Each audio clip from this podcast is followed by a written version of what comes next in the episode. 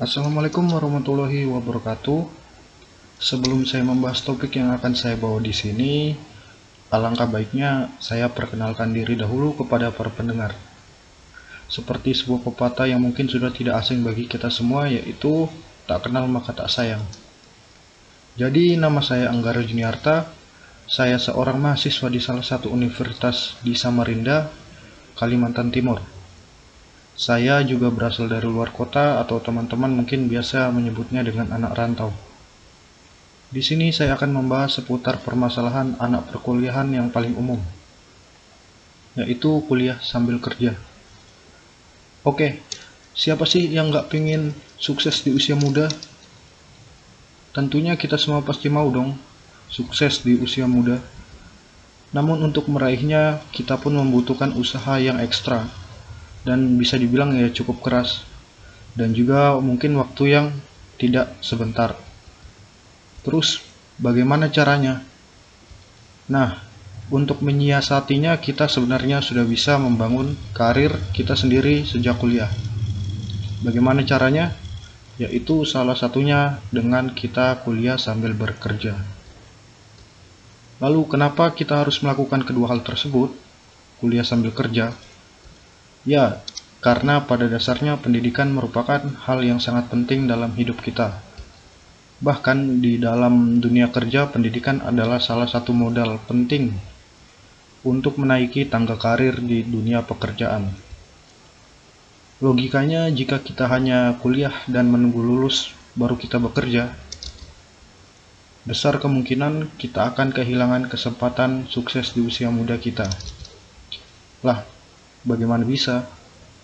Alasannya karena kita bekerja menunggu saat kita lulus kuliah terlebih dahulu. Jadi kita harus menunda mimpi kita kurang lebih sekitar 4 tahun untuk berkuliah. Dan sama saja ya bisa dibilang kita menunda sukses kita. Lain, lain lagi jika kita kuliah dibarengi dengan bekerja tentunya kita bisa sukses lebih mudah daripada menunggu waktu untuk wisuda atau lulus kuliah dulu. Sebenarnya kampus itu bukan hanya tempat untuk kita belajar. Kampus itu juga lingkungan yang baik untuk belajar dan juga lingkungan itu sangat berpengaruh untuk setiap mahasiswanya. Memang sih, kuliah sambil bekerja adalah hal yang tak mudah untuk dilakukan. Apalagi untuk membagi kemampuan otak kedua tugas besar yaitu kuliah dan bekerja tentu saja bisa membuat seseorang kepayahan atau mungkin keteteran. Tapi tak ada yang tak mungkin jika memang kita sendiri berniat untuk melakukannya. Saya sebagai buktinya, saya sudah melakoni dua hal tersebut ya kurang lebih sekitar dua tahun mulai tahun dari 2018 sampai sekarang. Alhamdulillah lancar dan sah-sah saja kok. Tinggal kita bagaimana memanage antara waktu kuliah dan waktu untuk bekerja. Alasannya kenapa kita harus nyoba untuk kuliah sambil bekerja? Jadi begini, setelah lulus dari perguruan tinggi dan mencari pekerjaan, nanti pas kita melamar di, su di suatu perusahaan kita akan menulis kurikulum vitae untuk melamar. Untuk menunjukkan apa yang kita miliki selama di perguruan tinggi. Jadi kita jika kita tidak be pernah bekerja di bagian working experience atau pengalaman kerja kita tidak mengisi, tidak bisa mengisi apa-apa alias dikosongkan. E, meskipun lulusan baru perusahaan pada umumnya ya lebih cenderung mencari orang-orang yang memiliki banyak pengalaman kerja. Bahkan jika nilai kita tidak kumlot sekalipun atau tidak begitu bagus, pengalaman kerja itu bisa jadi faktor pendukungnya. Karena itu berarti bahwa kita senang bekerja dan kita punya keterampilan lebih dibandingkan dengan yang orang lain. Jika kita mempunyai nilai bagus, tetapi kita tidak bisa bekerja sama dengan orang-orang yang mungkin belum pernah kita kenal atau belum kita dekat sebelumnya, tentu saja itu bisa menjadi sebuah kekurangan ya. Itu sebabnya setiap mahasiswa harus mencoba untuk bekerja sembari kuliah. Sebenarnya hal ini membantu untuk belajar bagaimana sih bekerja dengan orang-orang yang belum kita kenal atau orang-orang yang kita belum dekat. Awalnya saya dulu bekerja cuman buat ya main-main ya, hitung-hitung buat nambah-nambah uang saku. Apalagi saya pribadi kan anak rantau, jadi ya perlulah biaya hidup. Lama-kelamaan saya juga merasa malu ya, nggak nyaman juga karena masih terus minta uang sama orang tua. Ya kalau dipikir-pikir kan masa iya sudah besar masih nebeng masalah ekonomi sama orang tua. Rasa gengsi ya ada sih. Dan mulai saat itu saya bertekad untuk mencoba tidak lagi meminta uang kepada orang tua menghidupi diri sendiri sembali sembari kuliah dan mulai belajar bagaimana sih hiruk pikuk ketika mendapatkan sebuah rupiah. Uh, emang susah sih apalagi kita akan kehilangan banyak waktu berkumpul bermain bersenang-senang bersama teman bersama teman-teman. Tapi ya pasti ada hal baik yang bisa saya dapatkan lebih dulu daripada teman-teman yang masih belum mencoba bagaimana mandiri dan bagaimana belajar menghidupi diri sendiri.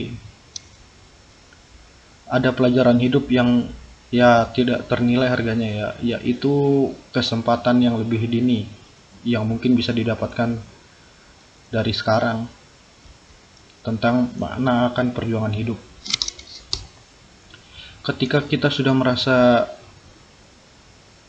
merasakan bekerja ini dan mencari uang sendiri otomatis kita kita ini jadi merasakan bahwa untuk mendapatkan uang ada usaha yang harus dilakukan. Nah, tak jarang juga usaha yang harus dilakukan itu adalah usaha yang mungkin cukup sulit. Dengan ini, kita pun bisa jadi lebih memahami usaha yang dilakukan oleh orang tua kita dalam membesarkan kita. Ada pengorbanan dan juga ada perjuangan yang tak mudah yang harus dilakukan agar hidup kita terus berjalan dengan baik dan sesuai dengan yang dicita-citakan. Nah, di zaman sekarang orang tua mana sih yang nggak yang nggak bangga punya anak anak yang kuliah dan sudah bisa mandiri serta mempunyai penghasilan sendiri. Nah, berlipat-lipat bangganya orang tua. Dan pastinya bahagia banget ya orang tua ketika memiliki anak seperti kita. Ketika kita menjadi mahasiswa kelas karyawan kuliah sambil bekerja kita itu harus mengatur baik-baik waktu yang kita punya. Bahkan kita kita akan merasakan waktu 24 jam sehari itu tidak tidak akan cukup untuk menyelesaikan tanggung jawab maupun aktivitas kita tersebut tadi. Tentu saja kita harus cerdas dalam menggunakan waktu. Kita harus bisa memanage diri sendiri memanage waktu antara kuliah maupun kerja. Jadi kita bisa menggunakan waktu sebaik mungkin. Nah kapan kita harus belajar kapan kita harus kuliah mengerjakan tugas dan kapan kita harus bekerja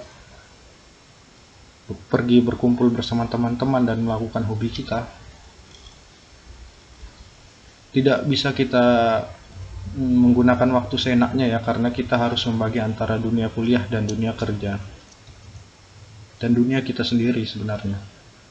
Seperti contohnya saya kuliah dari jam setengah 8 sampai jam 12 nanti jeda sampai jam 3 ada kuliah lagi setelah itu selesai jam 5 ada waktu sampai malam buat bekerja Nah, di jeda siang tadi bisa digunakan untuk mengerjakan tugas. Dan di malam hari saya gunakan untuk bekerja. Jadi di sela-sela waktu kosong kita tadi bisa kita buat bekerja, bisa kita buat menyicil tugas, mengerjakan tugas juga, project kampus, dan lain-lain. Ya kira-kira sampai jam 10 atau jam 11-an lah baru bisa tidur. Jika tidak ada tugas atau pada saat jam kuliah ada yang kosong, bisa juga digunakan untuk berkumpul bersama teman-teman.